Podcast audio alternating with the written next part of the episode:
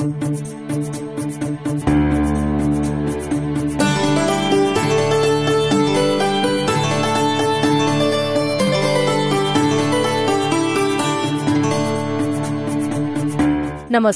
Radio कार्यक्रम साझा पहलमा तपाईँलाई हार्दिक स्वागत छ। म सुशीला श्रेष्ठ। अनि म राजन रुचाल। कार्यक्रम साझा पहल महिला लैंगिक अल्पसंख्यक अपाङ्गता भएका व्यक्ति र सीमान्तकृत समुदायमा सूचनाको पहुँच पुर्याउने उद्देश्यले तयार पारिएको कार्यक्रम हो। अहिले कोविड उन्नाइस नियन्त्रणमा आएको जस्तो देखिएको छ तर यसले महिला तथा सीमान्तकृत वर्गमा आर्थिक सामाजिक अनि मानसिक रूपमा गहिरो प्रभाव छाडेर गएको छ। कार्यक्रममा हामी लैंगिक समानता र सामाजिक समावेशीकरण जेसीको दृष्टिकोणबाट अब आउने कोविड जस्ता महाव्याधि र विपदसँग सम्बन्धित प्रभावकारी तयारी प्रतिक्रिया र पुनः प्राप्तिको बारेमा छलफल गर्नेछौ। लैंगिक समानता र सामाजिक समावेशीकरण दृष्टिकोण भन्नाले हामी यस कार्यक्रममा महिला सीमान्तकृत वर्ग बालबालिका ज्येष्ठ नागरिक अपाङ्गता भएका व्यक्ति एकल महिला लैंगिक अल्पसंख्यक विभिन्न प्रकारका हिंसाबाट प्रभावित भएका महिला तथा किशोरी दीर्घरोगी गर्भवती तथा सुत्केरीका सवालहरूलाई प्राथमिकता दिनेछौ। सँगै लैंगिक हिंसा तथा जातीय विभेद मानव बेचबिखनबाट प्रभावित भएका व्यक्तिहरू सामाजिक आर्थिक तथा नागरिक अधिकारबाट वञ्चित भएका व्यक्तिहरूको भोगाई उनीहरूका अपेक्षा पुनरुत्थानका लागि सरकारवालाले के गर्न सक्छन्? विज्ञ संघको परामर्श साथै सरकारका योजना लक्षित वर्गको पहुँच र कार्यान्वयनको अवस्थाबारे खोजी गर्नेछौ। साथै कोविडबारे फैलिएका अफवाह भ्रम र गलत जानकारीलाई सम्बोधन गर्दै विज्ञसँगको सवाल जवाफ पनि प्रस्तुत गर्नेछौ र सबैको पहुँचमा आवश्यक सूचना पुर्याउने प्रयत्न त छँदैछ।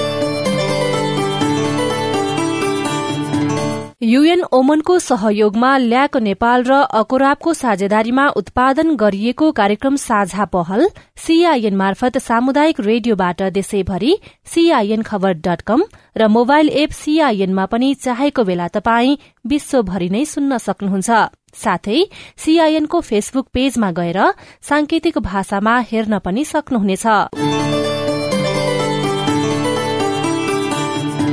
कार्यक्रम साझा पहलमा आज बाढ़ी पहिरो डुबान जस्ता विपदबाट बचाउन स्थानीय सरकार र स्थानीय संघ संस्थाले गरिरहेका राम्रा प्रयासका बारेमा छलफल गर्नेछौ। सँगै यसबाट सिकेका सिकाई र आगामी दिनका योजनाका विषयमा पनि कार्यक्रममा छलफल हुनेछ। साथै यही अन्तर्गत आर्थिक रूपमा पुनः प्राप्तिका लागि आवश्यक सिप स्रोत साधन र आर्थिक समावेशीकरण सम्बन्धी सवाललाई पनि समेट्नेछौ। साथै कोरोना महामारीका बारेमा फैलिएका अफवाहमा विज्ञको जवाब सहितको विशेष श्रृंखला प्रस्तुत गर्नेछौ। राष्ट्रिय विपद जोखिम न्यूनीकरण तथा व्यवस्थापन प्राधिकरणको तथ्याङ्क अनुसार गत वैशाखदेखि हालसम्म विपदका एक हजार दुई सय तेइसवटा घटनाहरू भए जसमा एक सय सन्ताउन्न जनाको मृत्यु भयो भने तीनजना बेपत्ता भएका छन्। यस्तै विपदमा परेर तीन सय सतहत्तर जना घाइते पनि भएका छन्। विपदले अनुमानित पचासी करोड़ दुई लाख सत्र हजार रूपियाँ बराबरको आर्थिक क्षति समेत गराएको छ। विपदकै कारण चार सय अठार घरमा पूर्ण रूपमा क्षति पुगेको छ भने पाँच सय सत्तरी घरमा आंशिक क्षति पुगेको प्राधिकरणको तथ्याङ्क छ।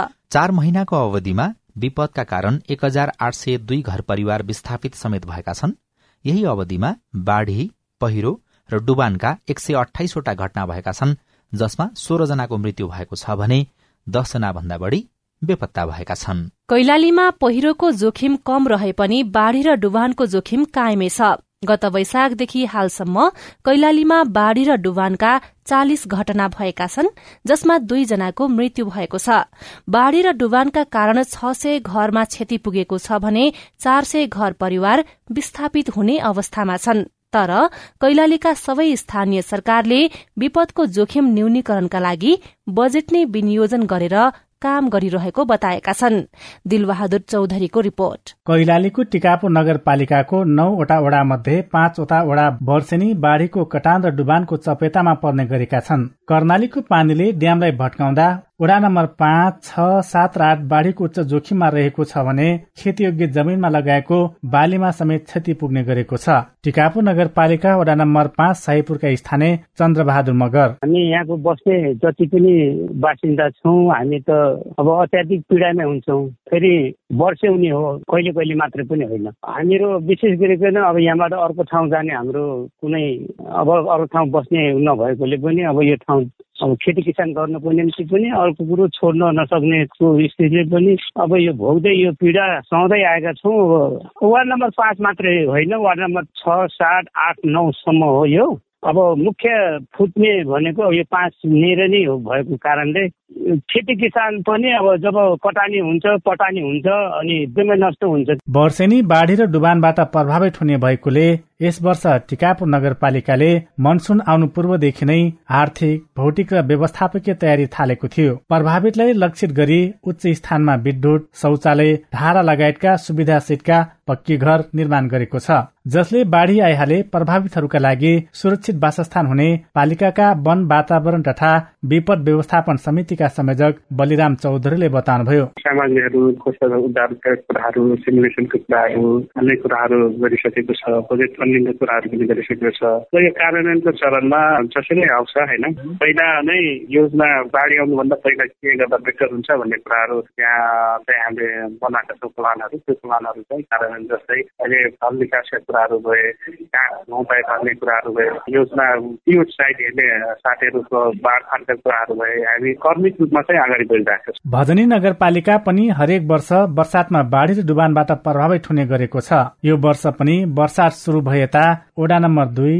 तीन पाँच र आठ दुई पटक डुबान भइसकेको छ। मोहना नदी काँडा नदी र पथरिया नदी बस्तीमा पस्ने गरेको छ जसको कारण आर्थिक क्षति बेहोर्नु परेको स्थानीय बताउँछन्। डुबान हुँदा प्रभावितहरूको बास नै सड़कमा हुने गरेको छ तर पालिकाले बाढ़ी र डुबानको जोखिम कम गर्न काम गरिरहेको बताएको छ। बाढ़ी गाउँमा पस्नै नदिन नदी किनारमा बाँड मार्ने लगायत विपद जोखिम न्यूनीकरणका लागि विभिन्न संयन्त्र समिति गठन उद्धार कार्यमा प्रयोग हुने उद्धार सामग्री तयारी अवस्थामा रहेको भजनी नगरपालिका विपद व्यवस्थापन शाखा प्रमुख वासुदेव बिन्दादीले बताउनुभयो। जुन ठाउँमा अहिले नदीले चाहिँ भत्काएको ठाउँ छ नि त्यो ठाउँमा चाहिँ मर्मत गर्नुपर्ने हो। त्यही उच्च माटो कटानी हो। हाम्रो चेक ड्याम हो चेक ड्यामलाई छोडिदिए हुन्छ कहिलेकाहीँ। त्यो चेक ड्यामहरू फुट्यो भने चाहिँ पानी गाउँतिर आउँछ। अनि बाँकी ठुलो बाढी आयो भने हाम्रो उच्च भवनहरू छन्। सबै लगभग जुन जुन ठाउँमा बाढी बढी लाग्ने ठाउँमा त्यो ठाउँमा चाहिँ उच्च भवनमा तुरन्तै हामीले चाहिँ रिस्पोन्स गरेर त्यहाँ राख्ने गरेका छ। त्यही संयन्त्र हामी तुरन्तै त्यस्तो हुने बित्तिकै हामी चाहिँ फोन मार्फत परिचालन भइहाल्छौँ तुरन्तै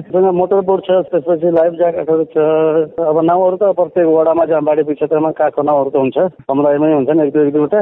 जानकी गाउँपालिकाको वडा नम्बर सातको जौलपुर फरैला र शंकरपुर गाउँ वर्षेनी दुबान हुने गाउँ हो। सामान्य वर्षातमै पथरिया नदी गाउँमा पस्छ जसले गर्दा ती ओडाहरूलाई पालिकाले डुबानको उच्च जोखिम क्षेत्रमा सूचीकृत गरेको छ। पालिकाले डुबानका सम्भावित क्षेत्रका विभिन्न परिवारको पहिचान गर्दै तत्काल विपदमा सुरक्षित रहनको लागि आवश्यक पर्ने पूर्व तयारी गरेको छ। खोज उद्धार र पुनर्स्थापनाको लागि आवश्यक सामग्री सुरक्षित रहनका लागि सूचना प्रवाहका विभिन्न संयन्त्रको प्रयोग सेल्टर हाउस पूर्व तयारीमा रहेको गाउँपालिका अध्यक्ष गणेश चौधरी बताउनुहुन्छ। विपद भनेको बढी अब बाढी फोकस गरेका छौँ हामीले। किनभने अरू विपद भन्दा पनि बाढीको बेला भएको हुनाले त्यसको तयारी स्वरूप अब समुदायलाई अब विभिन्न खालको विविध सम्बन्धी तालिमदेखि दिनेदेखि लिएर अनि राहत प्याकेजहरूको कुरा होइन? सायद नेपालमै यो पहिलो होला जस्तो लाग्छ। डब्लुएफपी सहयोगमा बाढी आउनभन्दा पहिला नै हामीले राहत दिने भन्ने खालको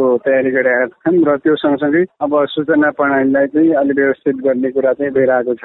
अब बाढी कुन समयमा कसरी अब आउँदैछदेखि लिएर जस्तै अब मौसम पूर्वानुमान शाखाको सूचनाहरू समुदाय समुदायमा पुर्याउने लगायतका कुराहरू चाहिँ तयारी गरेका छौँ जोशीपुर कैलाली गाउँपालिका पनि वर्षेनी डुबान तथा कटानको चपेटामा पर्ने गरेका छन्। तर यसको दीर्घकालीन समाधान नहुँदा कैलालीवासीले वर्षेनी आर्थिक क्षति बेहोर्नु परिरहेको छ। यसका लागि स्थानीयदेखि प्रदेश र संघीय सरकारले तत्कालीन समस्या मात्र नभई दीर्घकालीन व्यवस्थापन गर्नु आवश्यक रहेको छ। Dilbahadur Chaudhary CIN Tikapur fame Kailali. नेपालको भौगर्भिक भौगोलिक तथा जलवायुको अवस्था बर्खाको प्रकृति एवं प्रवृत्ति जलवायु परिवर्तन प्राकृतिक स्रोतको दोहन र जथाभावी हुने विकासका कार्यहरू लगायतका कारण मनसुनका कारण हुने प्रकोपका घटना हुने क्रम पनि बढ़िरहेको छ।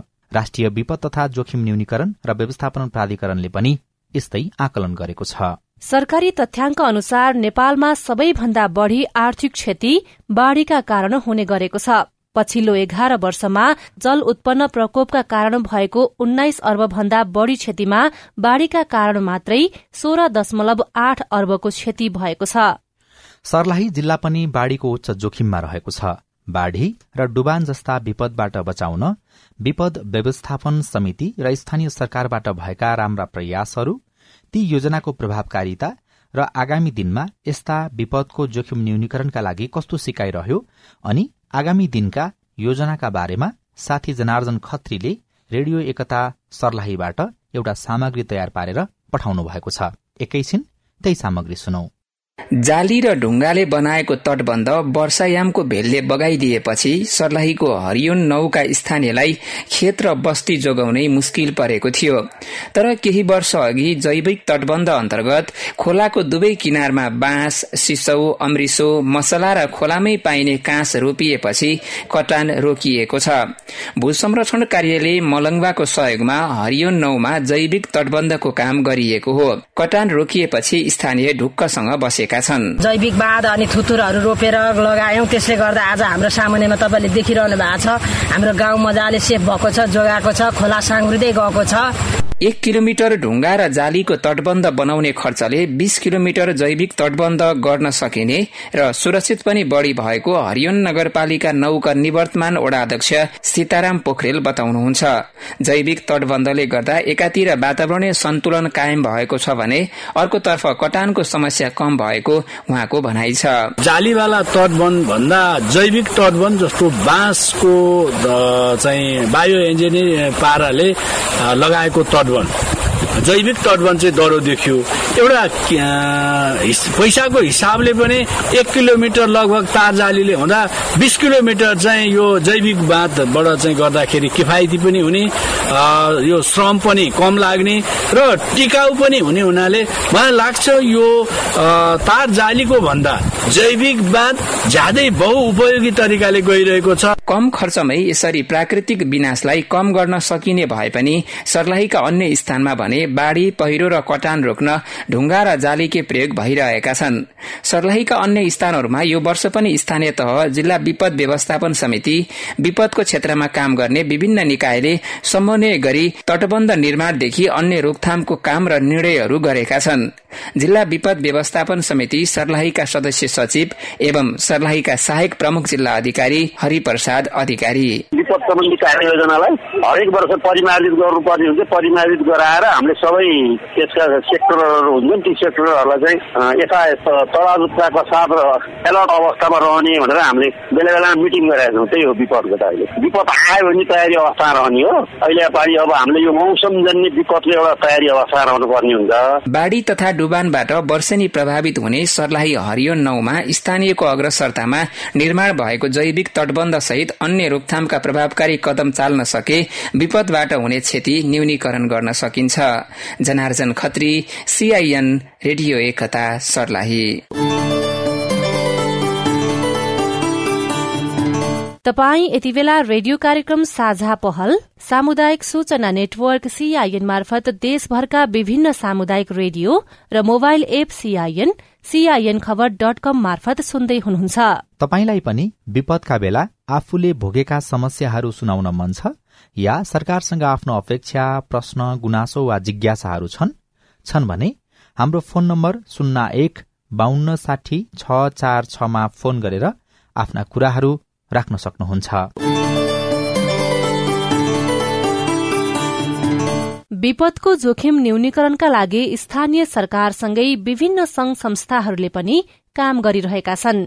बाँके जिल्लामा बाढ़ी डुबान आगलागी लू लगायतका प्राकृतिक विपत्तिको समयमा सरकारको सहयोगी संस्थाका रूपमा नेपाल रेड क्रस सोसाइटीले राहत उद्धार चेतनामूलक कार्यक्रम लगायतका क्षेत्रमा काम गर्दै आएको छ।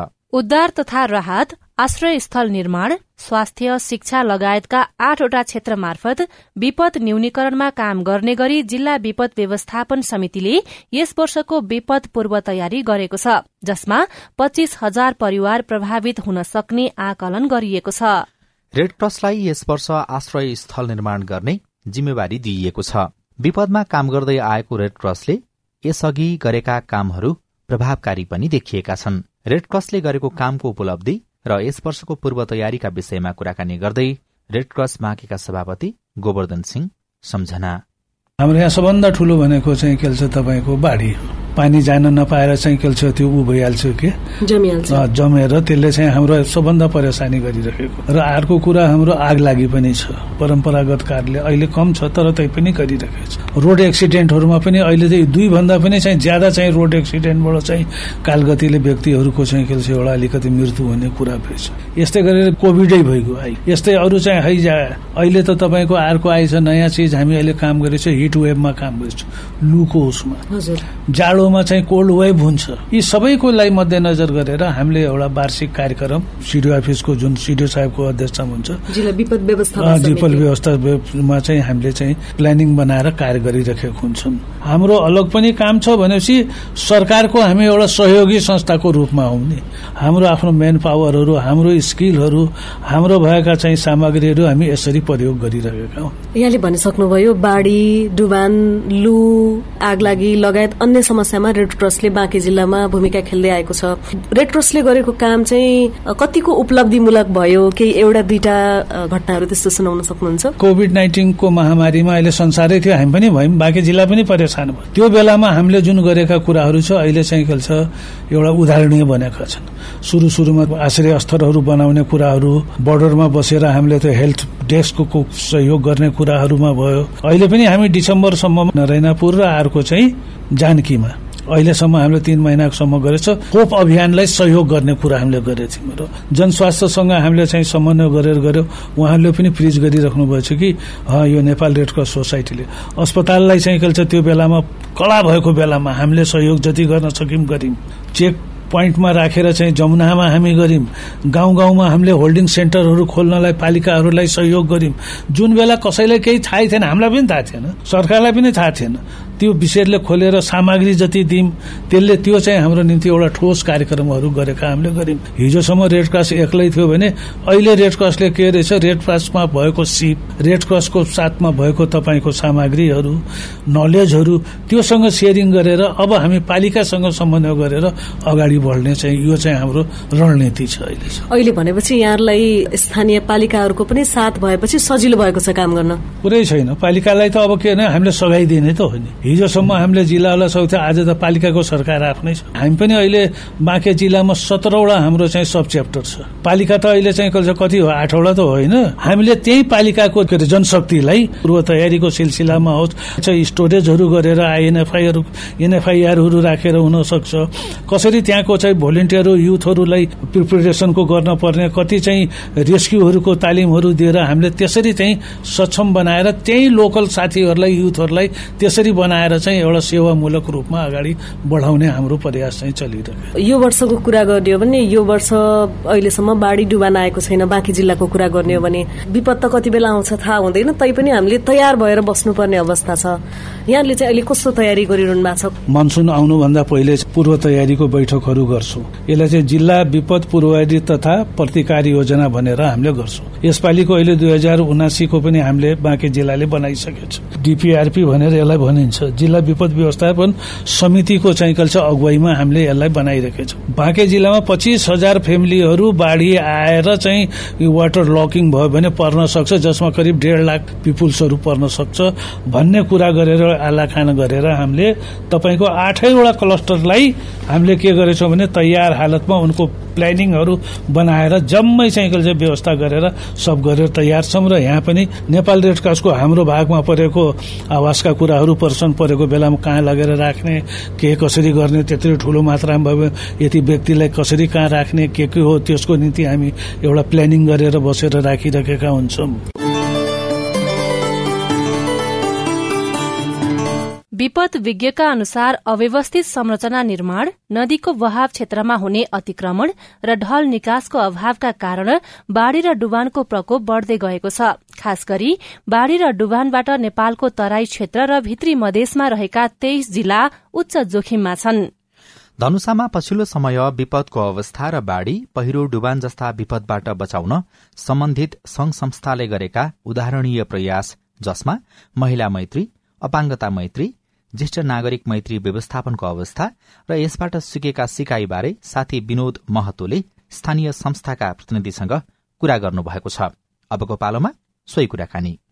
नमस्ते मेरो नाम सुनिल यादव हो। म पैक नेपाल जनकपुरको एक्जिक्युटिभ डाइरेक्टर छु। प्रकोपको पूर्व तयारीको बारेमा हामीले कामहरू गरेका छौँ जस्तै प्रकोपको पूर्व तयारीमा के के काम गर्यो भने वास्तवमा कुन एरियामा बाढी आइरहेछ प्रत्येक वर्ष। त्यसबाट बच्नको लागि के के गर्नुपर्छ? त्यो एरियाको कमिटीहरूलाई मिटिङ बसेर हामी छलफल गरेर जस्तै जताबाट बाढी आउँदैछ त्यता सानोतिनो बाँध कसरी बाँध्ने त्यस पछाडि तपाईँको बाँध बाँधेर पनि सचेत कसरी बस्ने जस्तो धेरै पानी पर्दैछ भने धेरै पानी परेपछि कसै बाढी आउने सम्भावना हुन्छ। अनि बहुमूल्य कपडाहरू त्यस पछाडि बहुमूल्य सामान कागज पत्रहरू एक ठाउँमा सुरक्षित ठाउँमा राख्ने। अनि तपाईँको बाढी आउने थालेपछि वा आउने आउनुभन्दा पहिले नै यदि सम्भावना छ भने सुरक्षित ठाउँ कहाँ छ भनेर गएर बस्ने गाउँको नक्साङ्कन गर्ने र गाउँमा कुन सुरक्षित एरिया हुन्छ जब बाढी आउँछ त्यो एरिया डुब्दैन त्यो एरिया चाहिँ पत्ता लगाएर तपाईँको पहिलेदेखि पूर्व तयारी गरेर बस्ने त त्यो हुन्छ अर्को कुरो खानपिनको केही बहु सामानहरू तपाईँको ठाउँमा सुरक्षित कसरी लाने वा राख्ने एउटा त्यो कुरा छ। अर्को कुरो तपाईँको बाढी आउनुभन्दा पहिले उहाँहरू इमर्जेन्सीमा जस्तै सानो तिनो यदि कमिटीहरू छ भने उहाँहरूले सानो सानो अलिक बचत किनभने बाढी आइसकेपछि हतपत्त दुई चार दिन काम पनि पाउँदैन जीवन यापन गर्ने त्यो कुरामा। त्यस कारणले सानोतिनो बचत गर्न पनि सिकाउँछौँ। अर्को कुरो बाढी आइसकेपछि पनि जस्तै राहतको सामग्रीहरू आउन। कुनै बेला अब पहिला त सजिलो सजिलै पनि आउँथ्यो अहिले त अब तपाईँको एउटा वान डोर प्रणाली छ। त्यस कारणले अब त्यति सजिलो त तपाईँको त्यो क्षति भएको ठाउँहरूमा विवरण ल्याउनु छिटै त्यहाँ राहत सामग्री पुग्नुमा अलिकता त्यति प्रभावकारी हुन सकेको छैन। र कस्तो रह्यो यसमा? हाम्रो सिकाइ के रह्यो भने वास्तवमा हामीले योजना बनाएर त्यसमा राम्रोसँग काम गर्यो भोलिन्टियर मोबिलाइजेसन गरेर राम्रोसँग काम गर्यो पूर्व तयारीको कुराहरू उहाँहरूलाई सिकाए सिकाएको चिजहरूमा एकदम हाम्रो सिकाइ यस्तो रह्यो कि उहाँहरू पूर्व तयारी गरेर त्यसलाई पालन गर्नुहुन्छ र तपाईँको जस्तै सानोतिनो यो ट्युबवेलहरूको अलिकता हाइट र त्यस्तो फ्रेन्डली मतलब त्यो बाढी पीडितमा त्यो टोयलेट कन्स्ट्रक्सन गरायौँ अलिक हाइट गरेर खानेपानीको हाइट गरेर त्यो पूर्व तयारीहरूले गर्दा केही उहाँहरूलाई राहत पुगेको हामीले महसुस गऱ्यौँ बाढीमा पनि होइन जस्तै आगो लागेको मौसम हुन्छ। प्रत्येक वर्ष हाम्रो तराईको धेरै घरहरूमा आगो लाग्छ। र त्यो त्यसबाट टोलको टोल नै खास हुन्छ।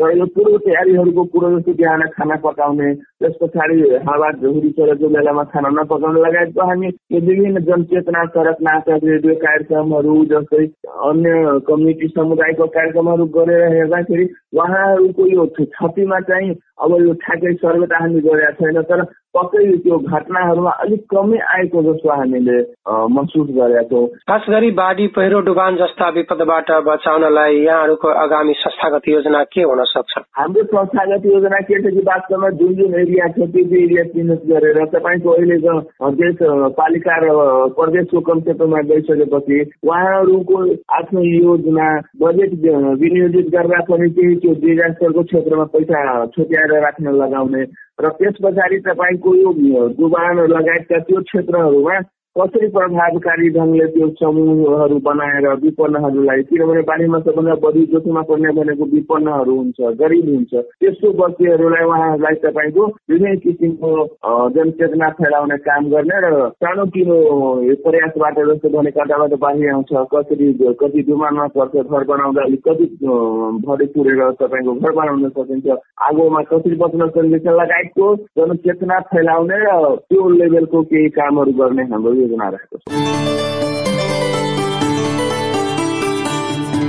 कार्यक्रममा अब भने कोरोना र कोरोनाको खोपबारे फैलिएका अफवाहबारे विज्ञ संघको सवाल जवाब सहितको विशेष श्रृंखला कोविड बारेको भ्रम र यथार्थ सवालको जवाफ दिँदै हुनुहुन्छ डाक्टर नन्दु प्रसाद पाठक। नमस्कार मेरो नाम सुशीला पोखरेल। म चाहिँ बुटोल आठ सुक्खानगरमा बस्छु। मैले कोरोना सुई लगाएपछि सुरुमा मलाई निकै लामो समयसम्म ज्वरो पनि आयो। त्यसैको इन्फेक्सनले होला। अहिले पनि मैले कपडाहरू धुँदा कामहरू गर्दाखेरि मलाई बेला बेलामा दुखिरहन्छ। यसको बारेमा जान्न पाए हुन्थ्यो भन्ने मलाई एकदम जिज्ञासा पनि छ। कति अप्ठ्यारो महसुस भइरहेको छ। यसको बारेमा जान्न चाहन्छु। खोप आफैको आफैले नै दुखाउने चाहिँ त्यस्तो गर्दैन। तर खोप लगेको हात चाहिँ धेरै लामो समयसम्म खोप लगेको व्यक्तिले नचलाउनाले जोर्नी जाम भएर चाहिँ पछिसम्म पनि दुखेको भेटिएको छ एउटा कारण। किन चलाउँदा खोप लागेको हात दुख्छ त्यसले गर्दा नचलाउँदा नचलाउँदै हड्डी जाम भएर दुख्छ। त्यसको लागि चाहिँ हड्डीको त्यो फिजियोथेरापी गर्नुभयो भने चाहिँ बिस्तारै खुल्छ। कहिलेकाहीँ कुनै कुनै प्रतिकूल परिस्थितिमा मात्रै त्यो सुई लगाउँदाखेरि नसा कहीँ छोइयो भने चाहिँ केही लामो समयसम्म सुई नसामा पर्यो भने चाहिँ दुख्ने गर्दछ। तर त्यो पनि केही समयपछि फेरि चारदेखि छ हप्तापछि आफै निकाउँदै आउँछ। त्यसैले कोरोना खोपको प्रभाव नभएर एउटा चाहिँ नचलाउनाले र एउटा चाहिँ कहिलेकाहीँ नसामा पर्ने हुनाले दुख्छ त्यसको लागि चाहिँ खोप नलगाउने भन्ने कुरा चाहिँ हुँदैन। मेरो नाम रोशनी भण्डारी। कति वर्ष हुनुभयो? म तेइस। कोरोना सम्बन्धी भ्रम त अहिले त खासै केही छैन। सबै नर्मल भइसकेको जस्तो छ सिचुएसन। अनि सबैलाई अब भइ भइसक्दा पनि सबैजनाले ह्यान्डल गर्ने सिचुएसन छ जस्तो लाग्छ। सुई चाहिँ मैले सेकेन्ड डोज लगाइसकेको छु। भेरोसेल लगाएको थिएँ मैले फर्स्ट डोज र सेकेन्ड डोज। बुस्टर डोजको चाहिँ डेट आएको थियो तर त्यति बेला मेरो इक्जाम सुरु हुँदै थियो अनि सबैजना बिरामी जस्तो सिचुएसन भयो। डोज लगाइसकेपछि अनि त्यही डरले चाहिँ लगाएको छैन। यो कुरा सत्य पनि हो। कसै कसैलाई चाहिँ भ्याक्सिन लगाइसकेपछि ज्वरो आउने र पहिलाभन्दा शरीर बढी गल्ने दुख्ने गरेको पाइएको छ। त्यस्तो कस्तो व्यक्तिलाई हुन्छ भन्दाखेरि जसलाई चाहिँ सफ्टल खालको जस्तो कतिपय केसमा चाहिँ कोभिडको लक्षण पनि देखिएको हुँदैन र कुनै कोभिड संक्रमण व्यक्तिको सम्पर्कमा आइएछ भने उसको केही भाइरसको मात्रा चाहिँ व्यक्तिमा सर्ने हुनाले र उहाँले गएर लक्षण नदेखिए पनि अथवा अलि हल्का रुगाखोकी लागिरहेको त्यस्तो बेलामा भ्याक्सिन लाउनु भयो भने चाहिँ भ्याक्सिन र अनि कोभिड भाइरस भाइरसको रिएक्सनले गर्दाखेरि चाहिँ ज्वरो आउने जिउ दुख्ने चाहिँ बढी देखिएको छ भने कसै कसैमा चाहिँ पहिला लगाएको भ्याक्सिनमा चाहिँ एन्टिबडी धेरै नै बनेको छ र बुस्टर लगाइएको छ त्यो केसमा पनि एक दुई दिनसम्म ज्वरो आउने जिउ दुख्ने चाहिँ हुन्छ। तर एक दुई दिनपछि आफै छोड्छ। त्यसले गर्दाखेरि चाहिँ त्यो पर्मानेन्ट भएको र कुनै असर नभएको कारणले गर्दाखेरि चाहिँ बुस्टर डोज भ्याक्सिन चाहिँ लगाउनु अनिवार्य नै छ अहिले चाहिँ। एमकला भण्डारी कोरोना सम्बन्धी त अब जाडो मौसममा अलिअलि बढ्छ भन्ने हल्ला त छ है। अहिले नेपालमा कस्तो कस्तो भेरिएन्टहरू देखिएको छ? जान्न चाहन्छु। केही हदसम्म ठिकै पनि हो जाडो मौसम सुरु हुने बित्तिकै कुहिरोहरू लागेर चाहिँ यो अलिकति सतै लेभलमा भाइरसहरू चाहिँ हामी जस्तो कुहिरोहरू लागेर ह्युमिडिटी बढेपछि चाहिँ यो सतै लेभलमा भाइरसको मात्रा चाहिँ बढ्छ। त्यसले गर्दा श्वास प्रश्वासबाट सिधै शरीरमा जाने जस्तो रुगाखुईको भाइरस जस्तै जाने हिसाबले चाहिँ जाडो मौसममा अलिकति कोभिडको संक्रमण बढ्छ कि भन्ने विश्वास गरिएको छ। र दोस्रो कुरा चाहिँ न्यू भेरिएन्ट भनेर अहिले पनि ओमिक्रोनकै भेरिएन्टहरू देखिएको छ र पछिल्लो भेरिएन्ट चाहिँ बिए फाइभ जुन चाहिँ काठमाडौँमा पत्ता लागेको छ। र यो चाहिँ ओमिक्रोन नै हो। ओमिक जस्तो पहिला आएको जस्तो डेल्टा पिटाहरू अल्फा भने जस्तै ओमिक्रोन टाइपकै एउटा सब भेरिएन्ट चाहिँ हो। अरू नयाँ भेरिएन्ट चाहिँ होइन बिए फाइभ र यो चाहिँ पहिला ओमिक्रोन जस्तै नै छ तर अलिकति बढी संक्रामक छ त्यो भन्दा। यो सँगै अब हामी कार्यक्रमको अन्त्यमा आइपुगेका छौं।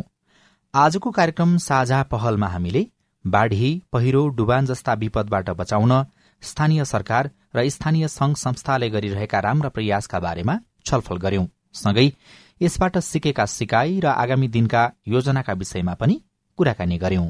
बाढ़ी पहिरो र डुबानको समस्या समाधानका लागि हामीले बनाउने भौतिक संरचनाको वैज्ञानिक विश्लेषण गरिनुपर्ने विज्ञहरूको सुझाव छ। यस्तै जोखिमयुक्त बस्ती सार्नु पर्ने समेत उनीहरूको भनाइ छ। तर यसमा स्थानीय सरकारको त्यति चासो देखिँदैन।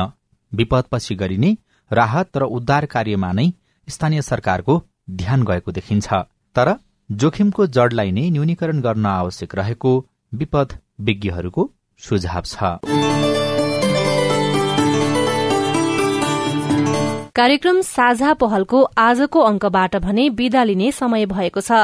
तपाईलाई तपाईँको पालिका वा सरकारवालासँग केही सोध्न भन्न जान्न बुझ्न अथवा समस्या सुनाउन मन छ भने हामीलाई सम्पर्क गर्न सक्नुहुनेछ। केही प्रश्न प्रतिक्रिया र टिप्पणी छन् भने हाम्रो टेलिफोन नम्बर शून्य एक बान्न साठी छ चार छमा फोन गरेर दिइएको निर्देशन अनुसार रेकर्ड गराउन सक्नुहुनेछ। आजका लागि प्राविधिक साथी सुभाष पन्तलाई धन्यवाद। साथै कार्यक्रमलाई सांकेतिक भाषामा अनुवाद गर्ने साथी उमा पौडेललाई पनि धन्यवाद दिँदै अहिलेको रेडियो कार्यक्रम साझा पहलबाट म सुशीला श्रेष्ठ। अनि म राजन रुचाल पनि विदा भयौं। नमस्कार, नमस्कार।